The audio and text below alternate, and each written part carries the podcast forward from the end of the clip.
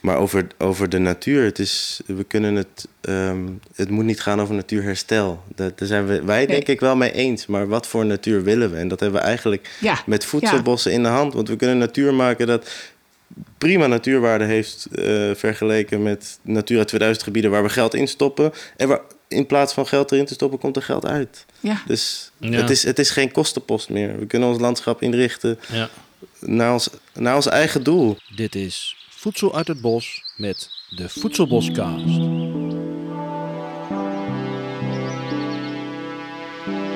Dan, eh, ja, en dan eh, eventjes, eh, doen we even klappen.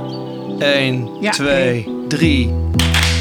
Er zit een klein beetje tijdsverschil natuurlijk in die, eh, in die lijn. Zeker. Maar eh, nou, als iedereen ja, een beetje lekker relaxed bij zit en er klaar voor is, dan, eh, dan begin ik met, met het intro. Is dat zo? Ja. Jij Marike? Ja, ja, helemaal goed. Oké. Dit is het tweede seizoen van de Voedselboscast. Het jaar waarin we onderzoeken hoe voedselbossen een bijdrage leveren aan de samenleving van de toekomst. Wij zijn Frank Gorter en Marieke Karsen van Voedsel uit het Bos en wij zijn nieuwsgierig naar de pioniers die hiermee bezig zijn. Gaan voedselbossen de samenleving en het landschap veranderen? Wij denken van wel. Hoe gaat dit gebeuren? Dat is het onderzoek van deze podcast. Nou, Ja, en dan hebben we deze keer iemand te gast die het ook allemaal nog eens gaat meemaken. Eh want Louis de Jager, daar zeiden we dat ook al bij. Ja.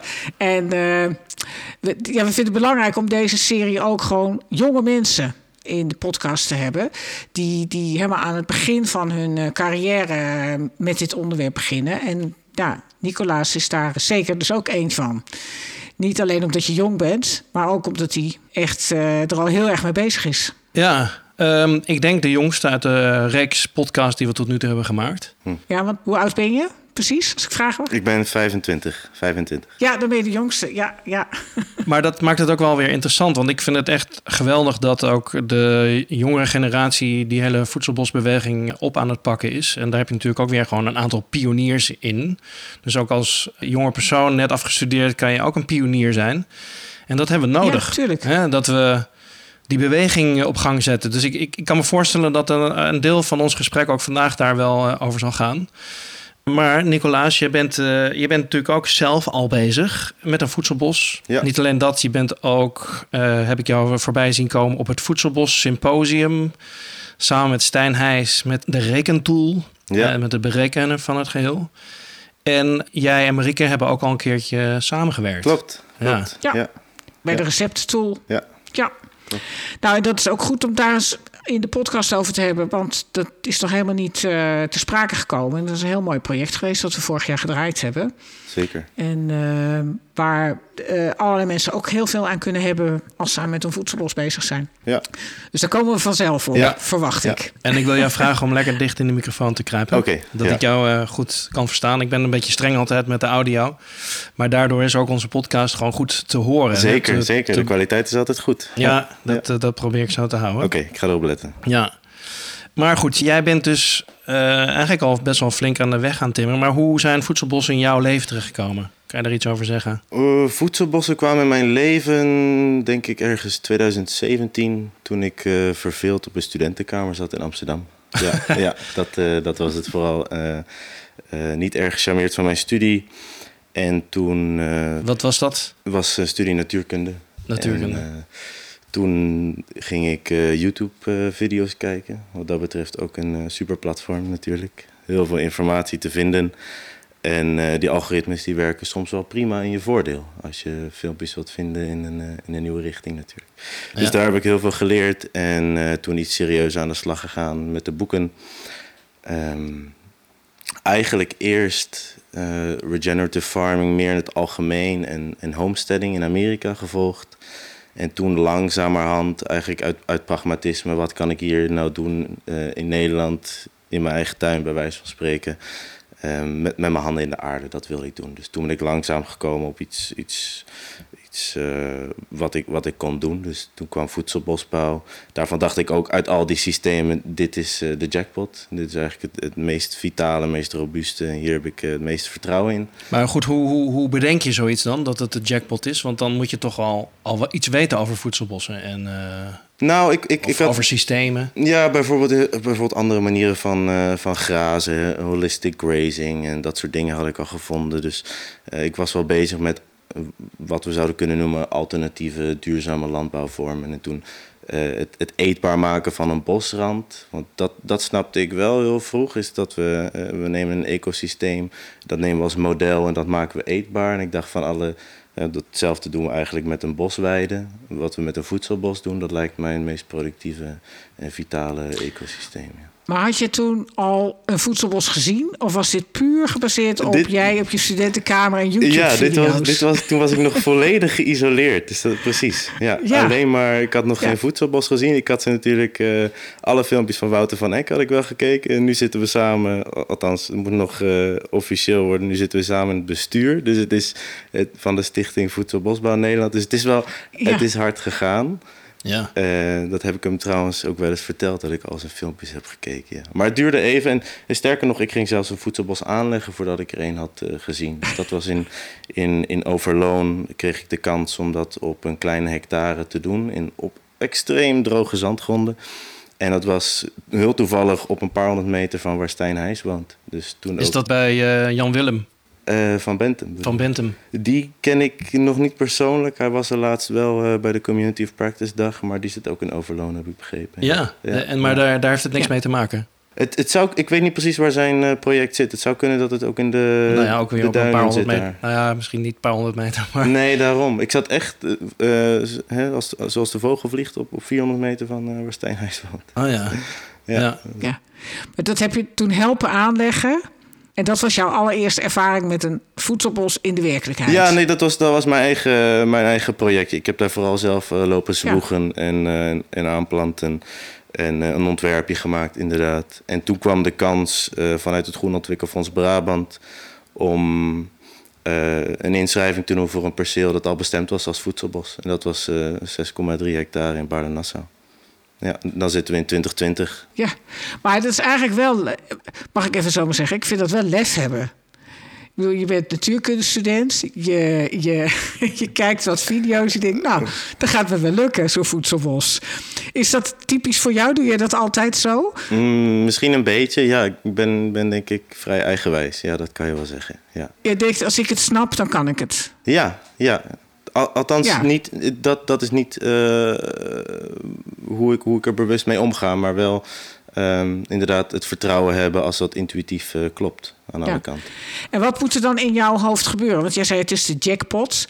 Ik denk dat ik het wel een beetje ga want ik ben zelf ook wel een beetje zo. Je moet een soort alle vragen moeten, alle dots moeten bij elkaar komen in, in eh, bij een ontwerp of bij een idee of een systeem. Ja. Werkt het een beetje zo bij ja, jou? precies. Dus zowel ecologisch, ik maak ook, ook in mijn, mijn scriptie nu, eh, Universiteit Utrecht, ehm, maak ik ook deze eh, categorisatie. Dus tussen de economische kant en de ecologische kant. Er is natuurlijk veel overlap, maar een voedselbos dat ecologisch integer is en ook nog eens economisch haalbaar, rendabel te maken is, ja, dat, dat noem ik de jackpot. Ja. Want dan, Ja. dan heb je het gevoel van, nou, dan ben je dus eh, eh, aan het stoppen met het kapotmaken van de biodiversiteit. Je bent aan het, water aan het opslaan, CO2 aan het opslaan, al die dingen. En dat had jij dus theoretisch na het kijken van die filmpjes zo bedacht. En, en jouw eerste voedselbos, hoe zag dat eruit? Daar heb je vast fouten gemaakt, kan niet anders.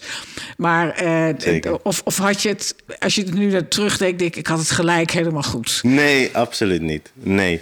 Het, het was een, een bodem.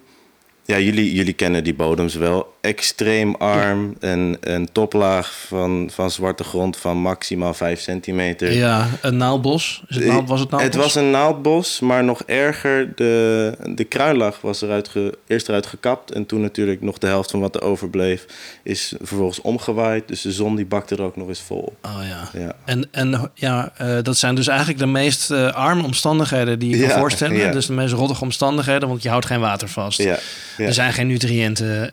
Maar hoe heb je dat dan een beetje... eh, Is het aan de praat? Dat is misschien wel de vraag. Eh, Werkt het? Ja, althans, ehm het merendeel heeft het overleefd. Daar was ik heel erg blij mee. En ik heb ingezet op eh, zelfs een beetje compost mixen in de bodem. En vervolgens een hele dikke laag houtsnippers. En Ja. dat, dat heeft wel heel veel goeds gedaan, denk ik. Ja. Ja. En we hebben nog een, een pool gegraven. Dus als je door die bossen loopt en je komt daar, dan, dan merk je wel dat hier een stuk meer leven zit. Ja, Ja, in die pool heb je... Hoe, hoe vang je dat water op? Met, met En dat is, landbouwplastic grond, of dat is grondwater. Het zit gelukkig niet zo diep. Het zit vanaf eh, meter 20, 30. Dan Oké. zakt het wel tot, tot twee, ja. Ja, Ja. ja. ah, dat is in ieder geval dat is een voordeel, ja. Ja, dat is zeker een voordeel. ja.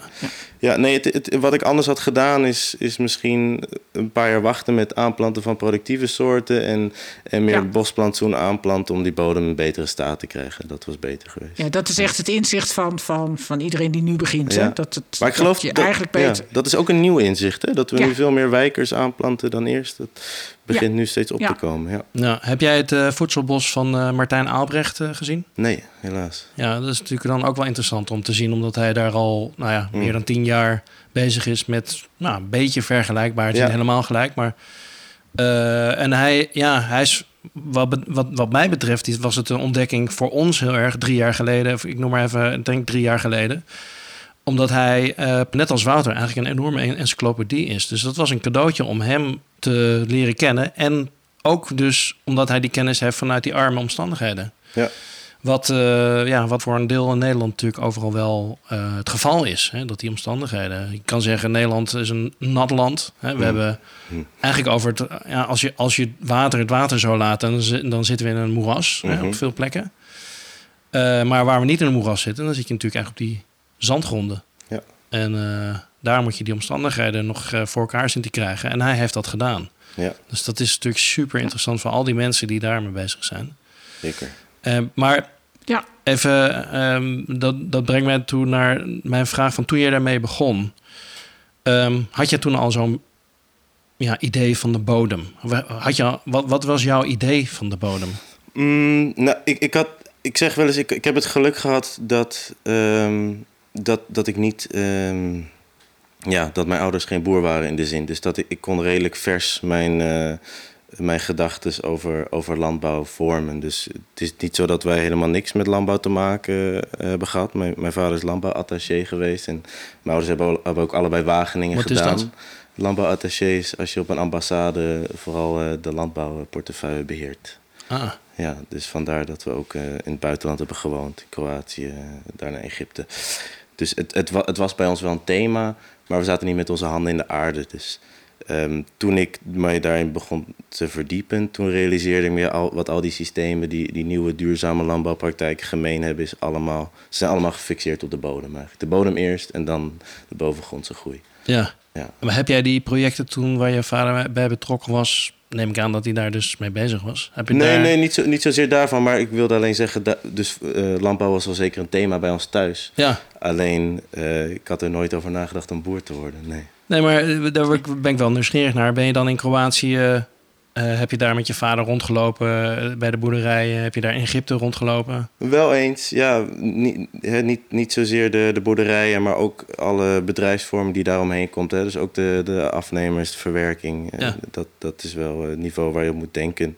In plaats van eh, op, alleen op boerderijniveau. Maar ja, zeker. Ja, Interessant. Ja. Je hebt een hele internationale jeugd gehad dus. Ja, een klein beetje. Ik bedoel, wij hebben bij mensen gekend in het buitenland die, die nog veel internationaler waren. Hè. Dat waren mensen van, van mijn leeftijd, eh, tieners die nog nooit in Nederland hadden gewoond. Zo was het voor ons absoluut niet. Ja. Ik heb daartussen gewoon Nee, eh, nee. voor lange periodes in Nederland gewoond. Ja. Je, je vader kwam niet uit het diplomatenklasje, zeg maar. Het was echt uit... Niet het klasje, hij is wel eh, diplomaat. Ja. ja, dat wel. Ja, interessant. Hm. En dan krijg je ook toch automatisch de wat bredere blik bij. Ja, precies. Over- Ja. Ja. Ja. Dus ik was, ik was ook veel, veel bezig met plantjes, eh, dingen in potjes stoppen, kijken of het uitkomt. Dat vond ik altijd, een- altijd een magisch proces, hoe dat, hoe dat zomaar groeit. En eigenlijk van, van bovenaf eh, in, in die studentenkamer las ik ook veel over klimaatverandering. Dus eigenlijk die, die interesse in, in planten vanuit de onderkant en meer de grote beleidsthema's, dat kwam voor mij samen in het voedselbos. Ja, Ja. maar je voelde dus dat, dat natuurkunde niet helemaal jouw eh, ding ging worden. En je bent je voedselbos in Overloon eh, begonnen en het leeft nog. Ben je nog steeds natuurkunde gaan afmaken? Of, of ben je uiteindelijk overgestapt op een andere studie? Hoe is dat verder gegaan? Ik heb mijn bachelor natuurkunde afgemaakt. En toen heb ik dus een, een jaar genomen eh, waarin ik vooral dat najaar en die winter veel bezig was met dat voedselbos. En toen ben ik daarna begonnen met het plan schrijven voor Baarle Nassau. En eh, ben ik aan een studie begonnen in Utrecht, Sustainable Development. Ja, want je hebt dus nu een, uh, een plek in Baarle Nassau, Mhm. waar jij mee aan de slag... Paradijsje. Ja, is dat jouw paradijsje? Ja, zeker. Ja, dat is zo mooi hè, van deze Ja. ja. eh, voedselbosbeweging... dat we allemaal die mooie paradijsjes Ja. aan het maken zijn. Maar hoe ver is dat paradijsje van jou? Dat paradijsje is nog pril en heel jong, echt in een babyfase. Ehm, we hebben iets hoger aangeplant, waardoor het wel boven het gras uitkomt. Maar het is, het is nu het derde jaar zonder koeien, dus het is 15 jaar weide geweest. Ja. En wij hebben het één jaar mochten we er niet op, dus toen toen heeft het verwilderd. En nu hebben we voor de tweede keer aangeplant. Dus ze zijn heel jong. Ja. Ja. Er staat een mooie houtwal omheen. En we hebben nog een houtwal eh, dwars over, eh, over het perceel, die het in twee deelt. Ehm, en we hebben een, eh, een laag gedeelte waar op 6000 of 8000 vierkante meter staat er water. Ja. En dat zakt natuurlijk in de, in de zomer anderhalve meter weg helaas. Ja. Maar dat is ongeveer een beschrijving. Ja. Ja, eh, wat voor een bodem is het? Eh, zand, zwak lemig. Zwaklemig? Ja. Ja, oh, dat Ja. is op zich wel een goeie, goed ja, uitgangspunt. Ja, nee, ik, ben, ik ben er tevreden mee. Ja. We gaan er niet meer weg. Nee. ja, mooi. Maar en, en met wie doe je dat? Vooral mijn vriendin Marcia. Ja. Ah ja. En niet met heel veel vrijwilligers en zo. Of jullie doen het gewoon langzaam zelf. Ja, Beetje homestead-stijl, toch? ja, ja. En Ja. Dat, dat moet iedereen denk ik maar liggen. Ehm, ik ken ook veel projecten inderdaad die, dat, die inmiddels een kerngroep hebben met... Misschien is dat wel eh, de meerderheid zelfs die dat heeft. Ja. Maar dat, dat heeft ons nooit eh, heel erg gelegen. Nee. Nee. Wel, het- het is natuurlijk wel het idee. Hè? Ik bedoel, voor, voor twee mensen... Mijn vriendin eh, die werkt gewoon fulltime. Dus eh, als zou ik het in mijn eentje doen of met z'n tweeën... zijn we gewoon met veel te weinig. Hè? Dus daar, daar gaan wel mensen bij komen uiteindelijk. Ja. Ja. Maar, maar niet... Ja, jullie willen daar vlakbij gaan wonen. Mm. En daar op dag ook je inkomen uit gaan halen. Zeker, dat, dat is ons doel. Ja, absoluut. Ja. Echt boer worden. Ja, precies. Ja. Op Ja, die manier kun, ja. je, kun, je, kun je boer worden en, en eh, een mooi kastanjebrood op de plank leggen. Ja, Ja, ja. een mooi kastanjebrood op de plank. Ik vind het echt heel goed gezegd. Nou, ben ik vorig jaar rond deze tijd... en dan heb je dan altijd dat je dan in één keer daar ook nu weer even aan denkt. Hè? Ik weet niet of anderen dat ook zo hebben... maar als het dan nu juli is, dan denk ik af en toe ook even terug aan vorig jaar juli. Nou, toen heb ik bij de, in Wageningen op een avond eh, voor alumni-studenten van Wageningen eh, wat mogen vertellen over voedselbossen. En dat waren alumni net afgestudeerd tot mensen die al met pensioen waren, zeg maar. Zo'n brede groep was dat. En ehm, nou, de meeste sprekers gingen vooral over de problemen in de landbouw. En ik en nog een andere spreker gingen vooral over hoopvolle initiatieven in de landbouw. Ik dus voedselbos, wat ze konden Wouter van Eck niet krijgen. Nou ja, goed. Dan ben ik er. en eh, het andere was over drijvende tuinen in water. Ook heel leuk eh, initiatief. En ehm, toen gingen we daarna uit elkaar in werkgroepjes. En eh, nou, dan kon iedereen aansluiten bij een van die sprekers om een werkgroepje te vormen. En het was heel grappig. Die man met zijn tuinen en ik met mijn voedselbossen. Alle jonge mensen waren naar ons gegaan. Niet één oud persoon was naar ons gegaan. Alle jonge mensen waren naar ons gegaan. En de oudere mensen gingen allemaal naar die problemen en de stikstof en de huidige boerderijen. En, eh, en dat alleen al vond ik echt fantastisch dat dat zo gebeurde. Maar toen zaten al die jonge mensen bij mij. Dat is eigenlijk waar ik naartoe wil met mijn punt, vraag.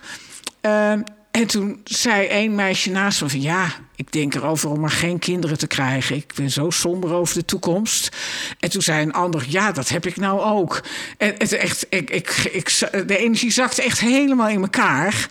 En een, een, een derde, die werkte bij Agrifirm, die zei: Ja, ik weet niet of ik hier wel kan blijven werken. Nou, enzovoort. Ehm, dat hoor ik bij jou helemaal niet. Die, die klimaatpessimisme of die depressieve houding, die je blijkbaar toch bij veel jongeren aantreft. Heb jij dat ook? Of zie je dat bij anderen? Eh, ja, da- dank je. Ja, ik vind jullie podcast heel goed. Jullie stellen, denk ik, hele, hele mooie vragen. En ehm, ik denk dat je de, het, het milieu, of in ieder geval ehm, het gedachtegoed van mijn generatie, redelijk goed zo hebt eh, beschreven. Ja, ja. Ja, heftig hè? Ik ja extreem heftig, dat vind ik ook. Ja, Ja. ja. ja. En dit waren dus hoogopgeleide jongeren, net van Wageningen, die aan hun carrière aan het beginnen waren en zich eigenlijk afvroegen: wat ben ik in godsnaam aan het doen? ja, en vooral dat wat je zegt over geen kinderen willen hebben. Hè? En Ja, Ehm, daar, dat, daar zit zeker een. ehm, ja, ik wilde zeggen anti-humanistisch, dat weet ik niet, dat is denk ik te sterk uitgedrukt, maar wel, laten we het zo zeggen, een, een zeer diepe teleurstelling met de menselijkheid die ik grotendeels onterecht vind, als ik eerlijk ben. Ja. Ik ook. Ja. De- laten, laten we er eens iets over zeggen. Ja. Want ehm, er zit ergens ook een soort gemak in. In het te puur negatief bekijken van dingen. Je, ik zelf doe ook dit omdat ik het als een antidepressivum zie. Van nou ja, je kan toch beter aan een mooie nieuwe wereld gaan werken... in plaats van somber gaan blijven zijn. Jij, jij bent gewoon aan de gang. Ja. Inspireer jij medestudenten of vrienden om, om, om ook dit soort dingen te gaan doen? Of Mm, niet, niet dat ik weet. Ik weet niet of ik ze direct inspireer. Ze vinden het wel allemaal interessant. Ze zijn, mijn vrienden zijn over het algemeen zeer nieuwsgierig. Ja, Ja. dat wel. Ik, ik heb trouwens een voorbeeld precies in jouw lijn. Wij moesten voor één opdracht in Utrecht... moesten we eh, feedback loops moesten we een, eh, iets over schrijven. En inderdaad, wij waren volgens mij het enige groepje van misschien 15 of een kleine 20 die een positive feedback, loop had beschreven. Namelijk van bomen aanplanten. Hoe dat die weer de bodem beter maakt en Ja. een beter microklimaat. En de rest had natuurlijk allemaal de bekende eh permafrost dat smelt. Of eh, ijskappen die wegsmelten. Of eh, noem maar op, eh, eh, eh, eh, Ja. oceaanverzuring, dat soort dingen. Ja, Negatieve feedback loops. ja, ja, ik, ja, ja, ja. dat is eh, dat lijkt heel goed. Dan lijkt het alsof je heel goed bezig bent met het klimaat. Ja, ja. Maar het stopt. Het, het gaat niet verder. Het, het, je kan het geen water geven. Het is, Ja, mis- dan ben je klaar met denken. ja misschien, misschien zit, het gaat mis. Ja, en je noemde gemak. Misschien zit het gemak erin dat het inderdaad makkelijker is om, om dat te beschrijven hoe slecht het gaat dan daar, daar echt misschien wel een compromis te sluiten met, met de duivel om te zorgen dat het beter kan gaan. Hè? Om met mensen te praten waar je het niet mee eens bent.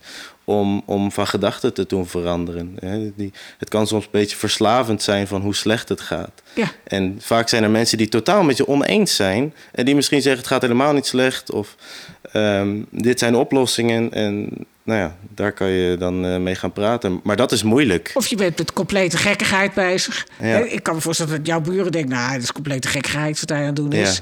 Dat zullen ze ook denken, maar we, we zijn wel in gesprek. En, en nieuwsgierigheid verbindt ons. Ja. Nou, dat is fijn om te horen. Dus jouw buren zijn positief. Ja, nou, ik bedoel, ehm, we zijn gelukkig eerlijk genoeg met elkaar dat ze, dat ze ook eerlijk zeggen dat ze twijfels hebben dat ik dat, dat, dat, rendabel, eh, dat ik het rendabel kan maken. Tuurlijk. Ja. Maar dat is niet erg. Dan hebben we daar een leuk gesprek over. En ik ben dan niet zo eerlijk, I guess, dat ik denk dat dat, dat akkerbouwsysteem voor altijd rendabel zal blijven. Dat heb ik nog niet gezegd. Nee, Ehm, dat zeg je nu. maar nee, dat zeg ik nu inderdaad. Ja. Ehm, Maar ja, we zijn daar, eh, we kunnen het goed met elkaar vinden, ja. Ja. Dus om jou heen is veel akkerbouw of, Oh ja, of gewoon koeien, standaard. koeien Ja. met... eh, ja. Ja, ik heb jagers in één hoek en de rest is allemaal eh, inderdaad eh aardappel, maïs, suikerbiet. Ja. Wat ik een hele mooie term vind, en dat is eh, in het Engels skin in the game. Op een bepaalde manier eh, vind ik het heel mooi dat jij op jouw leeftijd al in actie bent gekomen. Door niet alleen maar erover te praten, maar je bent je huid duur aan het verkopen. Je bent dan gewoon erin gaan staan. Je bent in de actiestand gaan zitten. Ehm, als jij ehm, kijkt om je heen, in hoeverre is jouw generatie toe aan het stappen nemen? Zie jij dat om je heen? Of, en als dat niet zo is, wat voor een oproep zou jij dan willen doen? Want in deze podcast kun je natuurlijk ook een oproep doen. ja, Hoe zou die dan klinken? ik, eh, ik weet niet of ik een oproep zal doen, maar ehm, ik ben het met je eens dat inderdaad, er is veel, veel eh, discussie en veel aandacht gaat uit naar, naar hoe slecht het allemaal gaat. En, en misschien zou dit een, op een oproep lijken. Ik was, toen ik hiermee begon met voedselbosbouw, was ik inderdaad pessimistischer dan ik nu ben. En dat zeg ik ook wel eens tegen mensen. Zodra ik dit ging doen, werd ik eigenlijk steeds positiever. En dat misschien voor mensen die daar echt, wat ze dan noemen, klimaat-anxiety hebben of wat dan ook. ehm, dat, zonder dat te bagatelliseren hoor. Ehm, als je inderdaad daar echt iets aan gaat doen en je bent bezig met een oplossing. In ieder geval voor mij heeft dat extreem veel geholpen. Ik bedoel, het is niet zo dat ik me geen zorgen meer maak. Maar zeker niet eh, zo pessimistisch als ik was. Nee. Ja.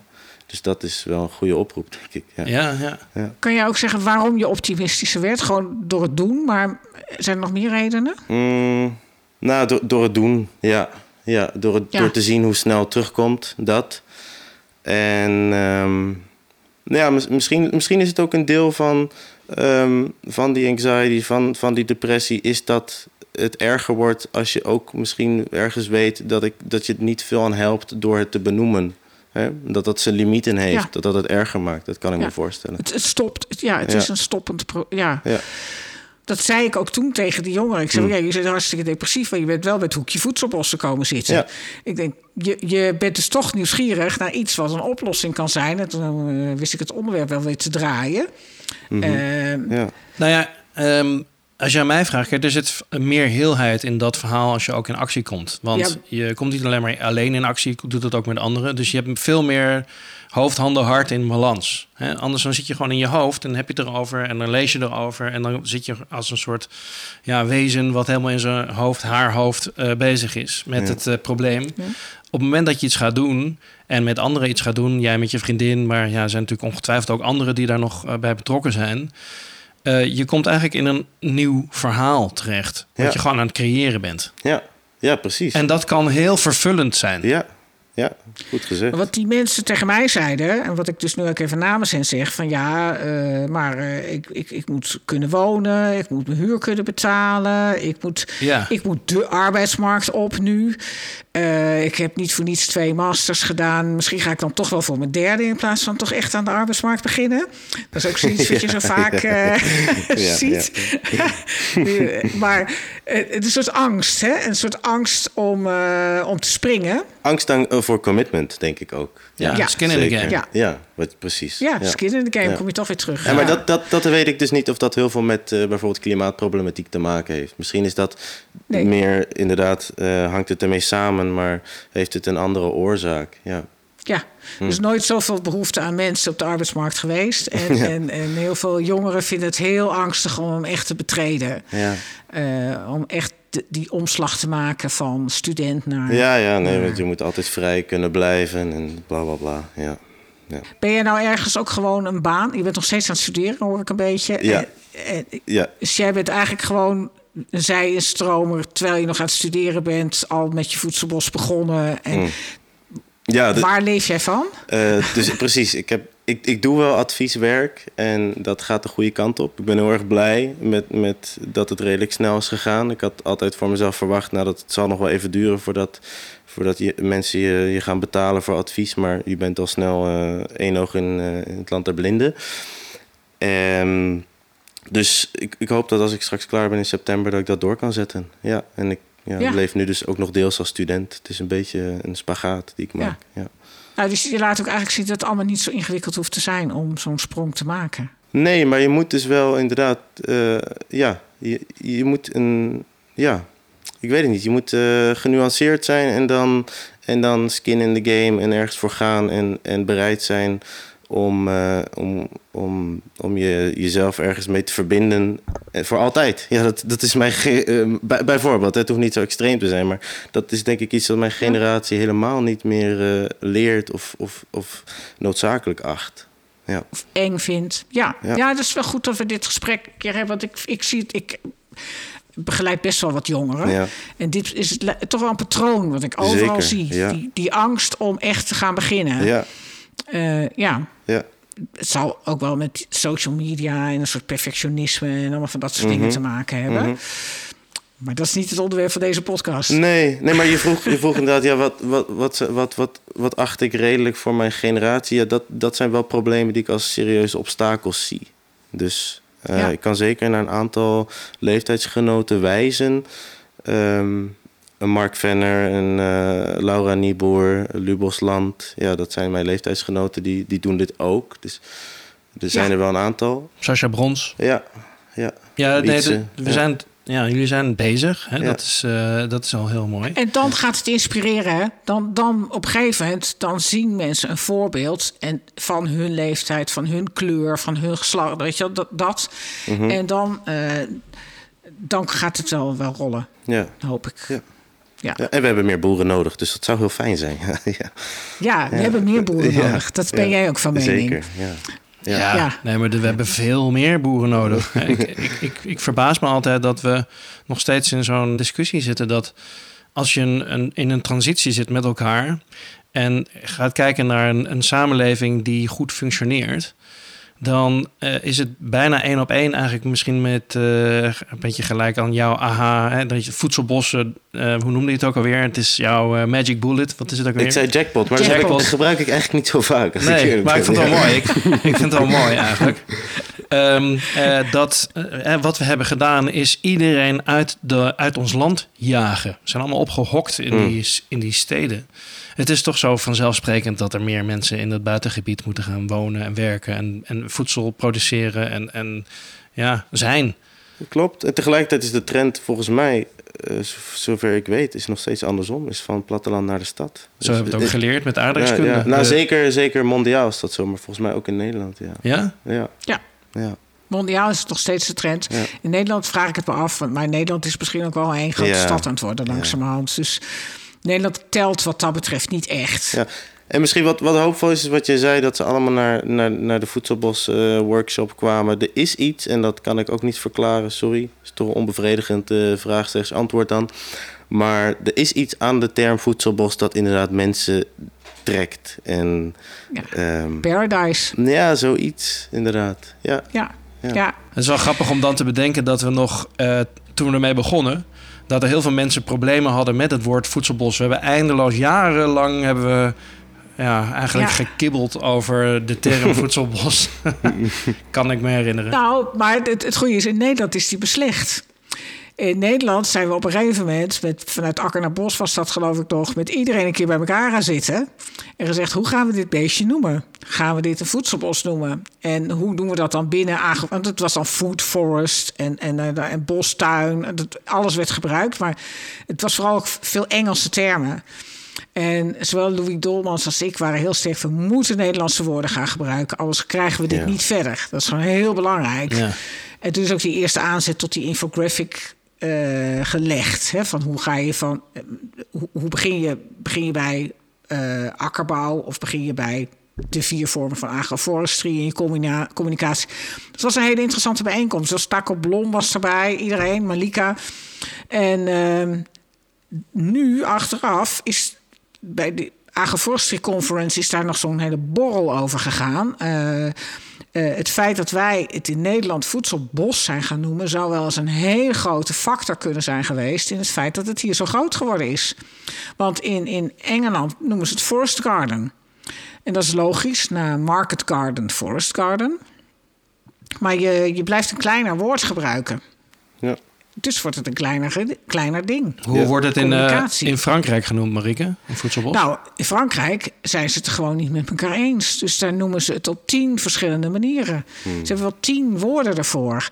Uh, forêt nourricière, forêt d'alimentation, uh, jardin de nourricière, jardin, weet je, het, alle, alles door elkaar. En dat, dat, dan creëer je ook vanzelf de chaos in, bij de luisteraar. ja. Ja. Dus communicatie en het voor het voedselbos, dat maakt het gelijk groot en dicht en donker misschien voor sommige mensen, maar ook uh, uh, niet klein in ieder geval. Ja. ja. En dat, dat is heel belangrijk. Ja.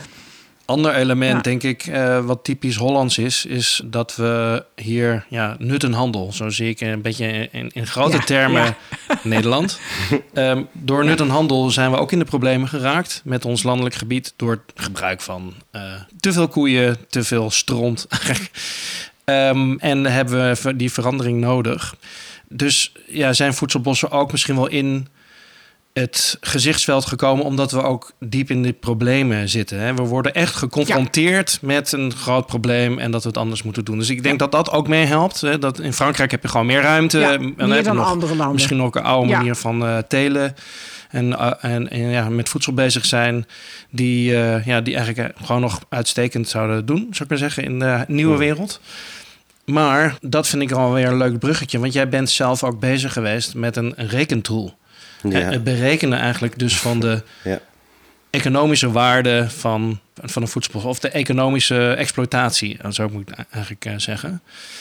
Um, dus we praten hier ook met iemand die daar nou, gewoon best wel diepgravend dan mee bezig is geweest. Uh, hoe zie jij dat in de toekomst? Gaan voedselbossen in jouw ogen Dat is bijna open deur, maar Hmm. gaan, eh, gaan, we het, gaan we het redden met voedselbossen? Ja, Nou, of ergens nog, kun je iets vertellen over die rekentool? Hoe Ja. zit die in elkaar? Wat, wat, hoe werkt die? die rekentool is een Excel-document met eh 25 tabbladen, zoiets. En er zit een, een plantlijst in met 200 eh, plantsoorten. Aantal kruiden, wel minderheid. En natuurlijk de meeste struiken, eh, groot fruit en eh, noten. En er zit een, een, een datasetje met de, de plukprestaties, hoeveel kilo oogst je in een uur. En een lijst met de prijzen. En dat is eigenlijk hoe je in ieder geval bij de omzet komt en bij de oogsturen. Dus dat, dat zit redelijk goed in elkaar, denk ik. Ja, dus het is een beetje gesloten Excel. Hè? Je zit Mhm. op slot. Dus jij kunt als gebruiker kun je dan allerlei dingen invullen. Ja. En dan komen de. Dus, eh, en die heb je samen met de HAS en met Stichting Voedselbosbouw Stijn Heijs ontwikkeld. Ja, ik was er Of- zelf bij de ontwikkeling alleen eigenlijk in een later stadium bij betrokken. Maar ik heb er veel mee gewerkt. Ja, ik heb er veel mee gewerkt, Ja. want wij hebben eh, in de ontwikkeling van business cases voor een, een, een groepje boeren hebben we die eh rekentool gebruikt om dat uit te rekenen. Ja. Oké. Ja, Ja, En, hij is dus goed, in jouw beleving, goed bruikbaar gebleken. zeker, zeker. Ja. Ik, ik, Ja. denk- ik denk, ik- hij is heel prima te gebruiken, alleen eh, je, je moet toch aannames doen. En, en de, ja, als ik denk, als ik als ik goed nadenk, de, de eerstvolgende hele grote stap die wat dat betreft kan ma- gemaakt kan worden in het uitrekenen en voorspellen van, van voedselbossen, is, is om die tool eh, naast de empirische data te leggen. Dus te gaan meten, Ja. wat komt eruit. Nou ja, jullie doen dat natuurlijk ook. Ja. Ja, dat Ja. willen wij echt. Wij willen, wat, wat feitelijk is, eh, die plantdatabase, eh, de basis ook onder de plantdatabase in de receptentool op voedsel uit het bos. Hè. We zijn wat dat betreft, dat, zijn de, dat is dezelfde plantdata toch? En dezelfde oogstdata Ja. die in deze tool zitten. Ja, ja, ja. ja, en hij is, hij is open source, hè, dus je kan hem zo, eh, zo downloaden. En ehm, Ja. nou, toch een oproepje. Als, als iemand daarmee aan de slag gaat, eh, ik, ik hou wat, wat commentaar en, eh, en, en andere kritiek hou ik bij, zodat we dat ooit ehm, in een volgende versie mee kunnen nemen. Ja. Ja. Wat wij heel erg wi- wi- willen met, met, die, met die receptentool en de economische test is inderdaad ook dat we diezelfde plantdata base als het ware nu ook gaan gebruiken of aanbieden aan, aan eh voedselboseigenaren van nou hoeveel kilo kwam er nou werkelijk vanaf Ja. bij jou in het eerste, tweede, derde jaar. Hè? Ja. En dan, dan wordt het echt interessant als we, dat, als we die verbinding kunnen gaan leggen. Ja, en het is, het is ook echt een van de grootste thema's. Dus onder de, Ja. de Community of Practice, eh, die eh, gecoördineerd wordt door de Stichting Voedselbosbouw, is dit onder de boeren ook, hè, naast hoe we het gaan oogsten en afzetten, is dit wel eh, een heel belangrijk thema. En ook onder überhaupt enthousiasten. Dus dat zijn eigenlijk mensen waarvoor de ecologie al duidelijk is. Die, die zijn daarvan overtuigd. Dat gaat goed werken. Dat wordt een prachtig stukje bos. En eh, er komt, mis- misschien zijn ze ook overtuigd, er komt echt wat vanaf. Maar hoe ga je het verkopen, voor welke prijs? En als je het rondrekent, komt er dan een groen getal uit.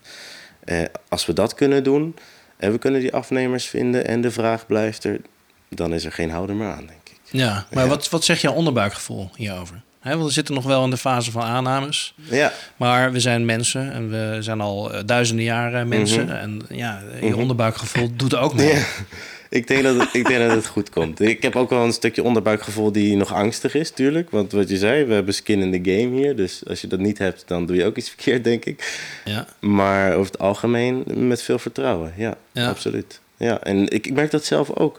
Ik Iedereen weet natuurlijk dat Wouter van Eck eh, het goed heeft geregeld inmiddels. Die heeft een aantal afnemers, dat werkt goed. Eh, de afspraken zijn goed. En wij ook. We zitten nu in een derde groeiseizoen. We hebben pas twee jaar aangeplant en ik krijg volgende week eh, drie restaurants langs. Dus, Ja. En ik doe niet eens zoveel aan marketing eigenlijk, omdat we niet zoveel te bieden hebben. Dat zeg ik ook tegen ze hoor. Het is niet dat ze teleurgesteld zijn volgende Ja. week, maar ja, een beetje hetzelfde pad als Wouter ook. Die heeft Ja. ook veel afgehouden en dacht van nou, het is nog veel te vroeg. En Ja. dan de aanhouder wint en dan Ja. plotseling Ja, blijkt en het lekker een- landgoed, hetzelfde. Nee, ik zeg dat, Ja. maar de- ik, ik leer ook heel veel van die chefs, denk ik. Dus dat wordt hartstikke leuk. Ja. Ja. Maar dus die interesse die is Ja. er wel degelijk. En eh, de stichting heeft natuurlijk met Voedselbos Schijndel... eh, samenwerking met eh, eh, cateringbedrijf Vitan. En daar is onlangs Dylan Camille ook bijgekomen. Dus dat Ja. zijn gewoon twee grote partijen die al aangeven... wij hebben hier interesse voor onze klanten, die gaan dat afnemen. Met plezier. Ja, Ja, dat is geweldig toch? Ja, ja. Ja, dus, dus, dus dan is nu inderdaad ook dat stadium gekomen dat je aan diezelfde boeren moet vragen. Want dat is dan wel het punt, hè? Als we dus die kilo's moeten gaan meten, dat is onze ervaring. Mhm. Daar heeft niemand dan ook weer zin in. Nee, ik ook niet. wij doen het wel. Wij doen het wel uit, uit interesse. Maar ik denk als je dat goed wilt doen, dan zul je daar uiteindelijk wel een, compensatie voor moeten regelen voor die boeren. Ja, dat denk ik wel. Ja, ik, Als je het op kijk, grote schaal wilt ik doen, een- Dat, ja. Ik, ja, ik heb een notenboomgaard. Hè, En daar komt dus iemand oogsten. En die geeft mij aan het eind van... nou, die heeft eh 2250 kilo noten geoogst... uit die 2 hectare walnoten. Dat zijn belachelijke getallen. maar Dat is een typische monocultuur oogst. Hè, dus in de monocultuur is dat makkelijk. En dan kan je gewoon eh, het, het, het, het in één keer allemaal ophalen. En, nou, ik wil daar uiteindelijk rijen tussenuit gaan halen... en daar iets anders neer gaan zetten... En dan ga je natuurlijk per rij denken. Nou ja, in ieder geval, je gaat niet per boom denken. Dat ook in een voedselbos zet je iets op een rij en dan ga je per rij denken. En dan haal je per rij, eh, weet ik veel, 100 kilo op. Dan zeg je, dat waren acht bomen. Nou, dan is het zoveel per boom. Dat die discipline zullen zeker die professionelere voedselbossen dus moeten hebben. Ja. Vanaf het moment dat ze beginnen te oogsten, zullen ze dit moeten gaan doen. Pas dan raken we uit deze impasse. Dat is misschien iets ook waar je ze nu al op moet voorbereiden. Dat ze dat vanaf jaar één, dat ze serieus gaan oogsten, ook moeten gaan doen. Ja, maar, maar je bedoelt dat, dat zullen ze moeten gaan doen want, eh, om het goed vast te leggen. Maar uiteindelijk als, als zij... eh, iedereen kan wel zien vanuit de buitenkant dat dat een, een goed bedrijf is, hè, als we zover zijn. Dat is misschien al inspirerend genoeg zonder de getallen. Ja, Als ze het gaan verkopen, zullen ze zeker weten: ik heb zoveel kilo Ja, gehaald. Maar ze moeten ook de discipline hebben om dat dan in zo'n tool in te gaan vullen en te gaan delen ja, met de anderen. Ja. Dus ook een soort samen een nieuwe open source data gaan maken. ja. Maar ik denk, ik denk dat, die, dat de, de middelen daar wel voor, voor vrij gaan Ja. komen. Dat, dat komt wel goed, denk ik. Ja. We Ja. zijn gewoon nog niet zo ver. Hè? Ik bedoel, de, Nee. ik heb tien eh, voedselbossen geïnterviewd voor mijn onderzoek. En de gemiddelde eh, zijn begonnen in laat, ja, dus najaar 2019. Dus die zitten nu, Ja. nou ja, toch wel in een vierde groeiseizoen. Derde, vierde groeiseizoen. Maar het is Ja. nog steeds te vroeg. Ze zullen nog steeds een jaar of twee moeten wachten, minimaal. Ja, Ja, ja dat is ook zo. Ik zeg het ook wel eens, kijk, je, we werken allemaal aan onze eigen toekomst. En eh, je anticipeert eigenlijk ook gewoon op een bepaalde toekomst. En eh, dat is de toekomst waaraan je wil werken. Dus ook al is misschien de markt er nog niet, ook al zijn er nog heel veel mensen die denken van ja, jongens, dat, dat gaat allemaal niet werken. Ja. Want ja, wie gaat het nou allemaal kopen? En, en dan moeten mensen het ook allemaal gaan eten. We hebben dat dieet nog helemaal niet. Maar tegelijkertijd kan je ook gewoon zeggen, ja, over 50 jaar zijn we gewoon allemaal anders. We eten anders, we hebben een hele andere logistiek. Dat is die werkelijkheid waar we Ja. aan werken. Ja. En, dan kan je, en op die werkelijkheid kan je ook anticiperen... in plaats van die werkelijkheid die nu vandaag de realiteit is. Hm. Hè? Dus dat, dat is eigenlijk ook een goede manier om erover na te denken. Van ja, je werkt eigenlijk aan die toekomst die je zelf voor je wil zien. Nou ja, al is het wel zo, ik denk in de geschiedenis, als mensen dat doen, dan pakt het toch vaak wat anders uit dan dat ze hadden voorspeld. Zo over 50 jaar, toch? Maar er zal Ja. zeker elementen daarvan eh, meegenomen worden, ja. Nou ja, kijk, ik, ik anticipeer wel op een, op een eh, toekomst... waarin gewoon veel voedsel lokaal wordt geproduceerd. Ja, ja, Hè, dat, is de, dat is eigenlijk een toekomst waaraan ik wil werken. ik ook. Ja. Maar er is natuurlijk Ja. een hele, hele groep mensen, daar hoef je alleen maar naar Wageningen voor te gaan, die denkt dat dat niet zo is. Dat het allemaal uit flats zal komen, geconcentreerd, misschien met veel minder eh, middelen, inputs, whatever, dat dat veel beter is. Maar niet lokaal gedecentraliseerd. Dat is ook een... Ja, Ja, dus Ja. we zullen het gaan zien. Misschien wordt het een combinatie van beide. waarschijnlijk. Maar dat, er, dat, er, dat er plek zal blijven verkassen, hè, dat, is even, dat zit er weer tussenin. Daar heb ik het met Maarten Schrama nog wel eens een hele keer over gehad. Die, zijn visie was dat we krijgen kassen en voedselbossen. En eh dat vond ik een hele interessante. Want ja, het is wel zo dat, dat zeker in Nederland, wil je eh, toch dingen heel vroeg in het voorjaar al kunnen maken. Heb je toch echt kassen nodig. Niet die verwarmde kassen, maar gewoon koude kassen. En daar kan je dan toch ook weer net soorten in stoppen die, eh, die, die het net niet zouden redden anders in Nederland. Je kan toch iets gecontroleerdere omstandigheden eh, creëren. Misschien ziet hij het ook wel net wat genuanceerder dan dit. Maar eh, chargerend geloofde hij heel erg dat we, dat we ook veel meer nog met kassen moesten gaan doen. En dat vond ik ook wel een interessante toevoeging. Ja, en bedoelt u dan die reuzenkassen waar je ook bananen en mango's onder kan planten? Ja, bijvoorbeeld. Ja. Dat je dus inderdaad. En, maar ook spinazie heel vroeg. Hè? Dus groenten, gewone groenten. Ja. Eh, dat zie je hier in de biologische teelt. Zie je dat toch ook heel veel van. Eh, iemand die echt eh, donkergroen biologisch eet, die eet volgens de seizoenen. En die heeft dan toch in februari eh, al, al een aantal eh, de raapjes en de spinazie en de dingen. De eerste sla in maart. Dat kan alleen maar dankzij de koude kas. Eh, Dus als we het hebben over lokaal eten, dan geloof ik ook heel erg daarin. Ja. Dat, we dat, Ja. dat we dat soort dingen. Dat je toch een combinatie krijgt ook met gewone groenteteelt. Ja, ik bedoel, ik, ik, zou, ik, eet ook heel graag eenjarige. Het hoeft eh, voor mij ook allemaal niet nee, maar weg. ook, nee. ook de- uit voedselbos, de blaadjes komen ook alleen maar uit het voorjaar. Ja. En daarna zijn de blaadjes op. Dan ga je naar, de, naar het fruit en naar de noten. En dan eh, komen de groene blaadjes toch echt nog van de eenjarige Hm. teelten. Die blijven ook zeker met behulp van die kassen in het najaar nog een hele tijd doorgaan. Ja, nou, ik, ik zoek wel op mijn land wel zo'n combinatie. Jij gaat de kas aanleggen dus. Zeker, Ja, ja. Ja. zeker. En een moestuin, ja. Nou, ik zit, er, erbij. ik zit er ook even naar de tijd te kijken. We zitten alweer eh over de drie kwartier. Dus Oh, eh, dan gaan we alweer een beetje Hmm. richting de afsluiting. Oké. Ehm Marieke, heb jij nog een, eh, een mooie vraag voor Nicolaas? Ja, dus ecologie en economie. Dat is en, en, en, en eh, de jackpot. Hè? Eh, dus we moeten jou toch ook de vraag stellen... Hoe, ik had het net over kassen en voedselbossen. Dat wordt het landschap. Hoe zie jij het landschap van de toekomst? Dat is gewoon echt de vraag van deze podcast. We hebben hem nog niet echt actief aan jou gesteld. Oei. Ehm, ik, ik denk, we praten heel vaak, en dat is terecht, over biodiversiteit.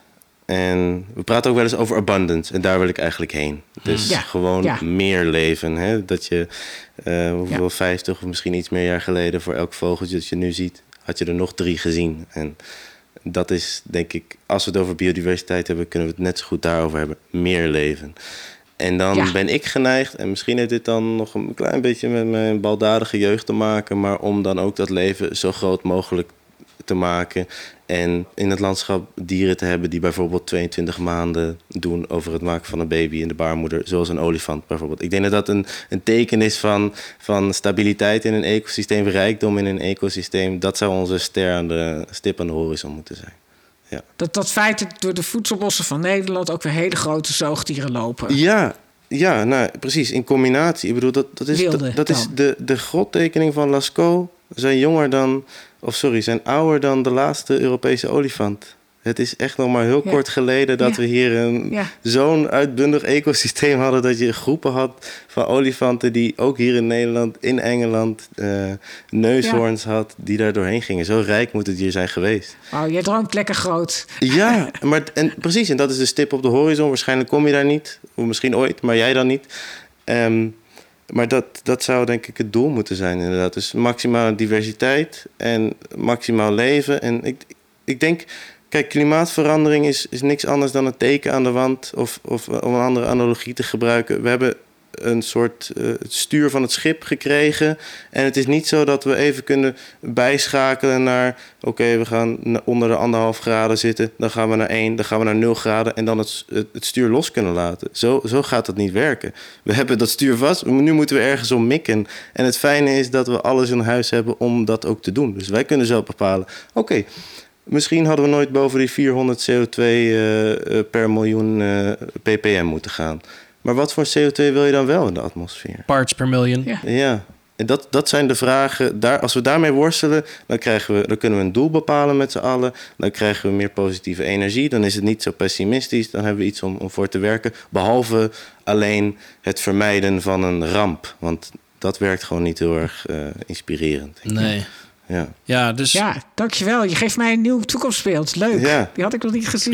zeker. Dat eh, ligt tegen de rewilding. eh. Ja, ja, ja. en de, de, Ja. De, de kans die ze daar natuurlijk missen in mijn, mijn optiek, en misschien eh, zeg ik het verkeerd hoor, ik, ik heb niet heel veel kennis daar, maar is dat ze het gewoon teruggeven in plaats van dat ze daar eh, eerst een paar pellets zetten met verse walnoten voordat ze gaan schimmelen. Kastanjes, die een paar vogels even meenemen. Dat je daar meer diversiteit krijgt. Hè, om, om gewoon een voorbeeld te noemen. Dus dat zou samen kunnen gaan. Dat wij bepalen hoe onze ecosystemen eruit zien. Dat onze technologie inzet om te zorgen dat van elk beestje dat er leeft, dat die ergens een habitat heeft waar die goed leeft. Want daar hebben we ook de technologie voor.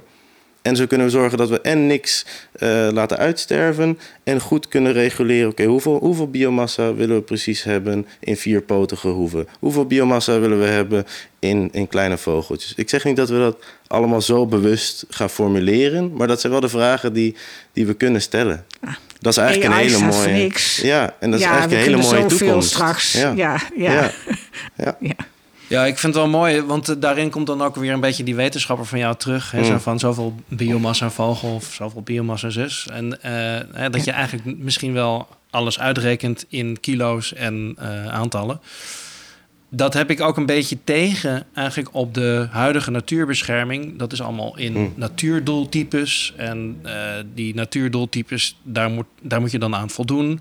Dat komt op mij over altijd als een hele mannelijke energie. Je hebt een doel en uh, op die manier moet dat uh, vorm krijgen. Hmm. Terwijl de vrouwelijke energie is veel meer ontvankelijk. Hè? Dus de man die gaat, zou ik maar zeggen, op zijn doel af. De vrouw die ontvangt. Hmm. Uh, waar zit bij jou die vrouwelijke energie? um, het is weer een game-energie die ik zag eigenlijk. ja, nou, mooi dat je dat zo zegt. Maar ik, precies, of het nou mannelijke of vrouwelijke energie is... die twee hebben elkaar misschien wel nodig. Het moet eerst in een, in een goede balans zijn, denk ik. Um,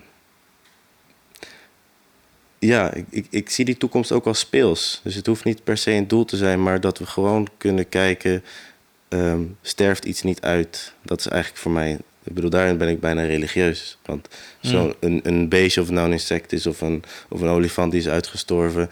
Ehm, met onze huidige technologie kunnen we dat niet zomaar terugbrengen. Dus het is, voor all intents and purposes, is het gewoon een godscreatie die je niet zomaar terugkrijgt. Als, dat, als het uitsterft. Hè. Dus kunnen we dat allemaal in leven houden. En ik zeg niet dat we het allemaal moeten uitrekenen. Maar als je daar zo over na gaat denken, kun je wel een doel zetten. En dat, dat is eigenlijk wat ik wilde zeggen. Ja. Ja. ja. Hoe ons landschap eruit ziet. Ja.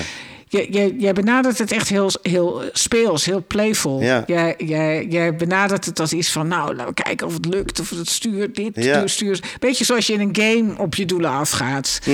En uh, dat vind ik leuk. Vind ik leuk om te zien. Ja, ik denk dat we, we hebben, we hebben, geen, we hebben, we hebben weinig keus. De, de vraag is echt een, een goede vraag, denk ik nog steeds. Ook al heb ik hem zelf gesteld. Wil je onder de anderhalve graad blijven? Prima, ben ik wel mee eens. Maar welke temperatuur wil je dan? Ja. Want we hebben het zelf in de hand. Nou. Ja, meer en meer. Kijk, dat AI is natuurlijk doodeng ook wat er aankomt. Maar het is ook extreem krachtig. Ja. Dat we ons denken en ons, ons, de ontwikkeling van ons denken enorm kunnen versnellen ja. daarmee. Ja. En dan dat we ook dit soort wilde gedachten in één keer kunnen hebben. En ook kunnen gaan oplossen ook mhm. in de komende tijd. Ja. Dus, uh, en dat zie ik jou al doen. Dus voor mij is dat heel lastig. Ik merk dat ik AI, dat ik, nou, ik, wil niet zeggen dat ik oud word, maar ik merk dat ik het heel lastig vind om die schaalsprong in snelheid hmm. uh, echt te omvatten. Ja. Nee, ik, ik, ik vind, ja, AI, ik ben daar vrij, vrij ook traditioneel in hoor. Ik heb nog nooit ChatGPT gebruikt. Ik, um, maar over, over de natuur, het is, we kunnen het, um, het moet niet gaan over natuurherstel. Daar zijn we, wij denk ik wel mee eens. Maar wat voor natuur willen we? En dat hebben we eigenlijk met voedselbossen in de hand. Want we kunnen natuur maken dat prima natuurwaarde heeft uh, vergeleken met Natura 2000 gebieden waar we geld in stoppen. En waar in plaats van geld erin te stoppen, komt er geld uit. Ja. Dus Het, is, het is geen kostenpost meer. We kunnen ons landschap inrichten ja naar ons, naar ons eigen doel. We kunnen de nieuwe natuur hmm. maken, de nieuwe natuurwaarde. Dat is wat je eigenlijk zegt. En dus die vraag moeten we ons ook eerst stellen. Wat voor natuur willen we? Wat voor toekomst willen we? En dat vind ik echt een heel mooi... Uh, ja, mooi einde. Ja. Want we gingen naar een einde. Maar ik vind het echt een heel mooie uh, manier om ernaar te kijken. Ja, ja. ja dankjewel. Ja, nou, ik vond het een heel fijn gesprek, Nicolaas. Ik ook. Ja, graag gedaan. Dankjewel. Nou ja, wij gaan elkaar zien. Ja. Somewhere, someplace. En heel veel succes met uh, jouw voedselbos uh, Baarle Nassau. Dankjewel. Doei. De Voedselboscast is een concept van Marieke Karsen en Frank Gorter. Techniek, editing en de muziek is gedaan door Frank Gorter. Verder danken wij de rest van de organisatie van Voedsel uit het Bos, Anje Poortman en Joep van der Wal. Mochten er luisteraars zijn die deze podcast willen ondersteunen, dan wordt het erg op prijs gesteld, want we zoeken nog sponsors. Stuur een mailtje naar info.voedseluithetbos.nl